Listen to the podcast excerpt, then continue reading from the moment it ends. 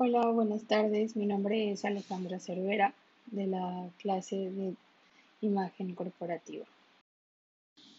Existen varios tipos de público. Entonces, aquí vamos a hablar de qué tipos de público existen en publicidad para una marca. Para eso tenemos que comenzar hablando de qué es la segmentación de mercados. Cuando hablamos en términos publicitarios, Hablamos de segmentación de mercados cuando dividimos al público por perfiles, teniendo en cuenta el tipo de persona a la que queremos dirigirnos. Establecemos una serie de pautas que nos indican las características de nuestro tipo de ideal de comprador, sus gustos, sus preferencias, los medios en donde nos pueden encontrar, de qué manera consumen. Esto nos permite trabajar con una información previa antes de desarrollar el mensaje, decidir los medios y sacar el mensaje.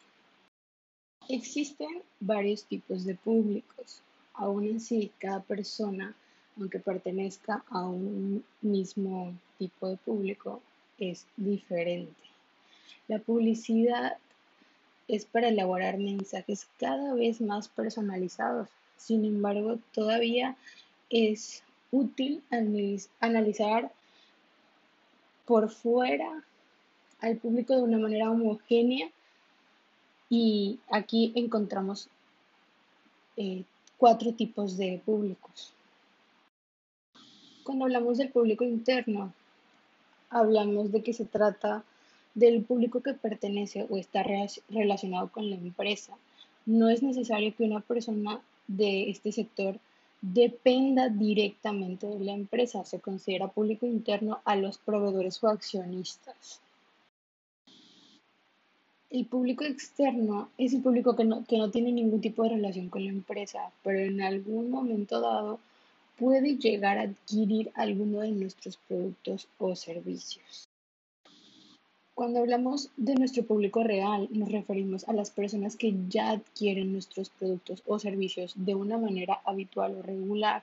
En este, en este caso, las campañas que se lanzan se orientan a la fidelización de nuestro público, una tarea que es igual de importante a la de localizar nuevos clientes.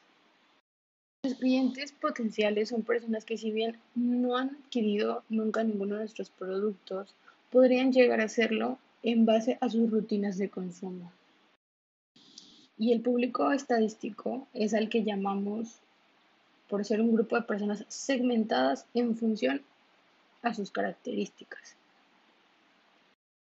Hablamos, por ejemplo, en el público estadístico el hecho de que esta persona es una mujer de clase media alta, entre 25 y 30 años, este es un perfil de público estadístico y nosotros decidimos si este resultado nos es útil hacia dónde va nuestro, nuestra publicidad, nuestros productos o no nos sirven.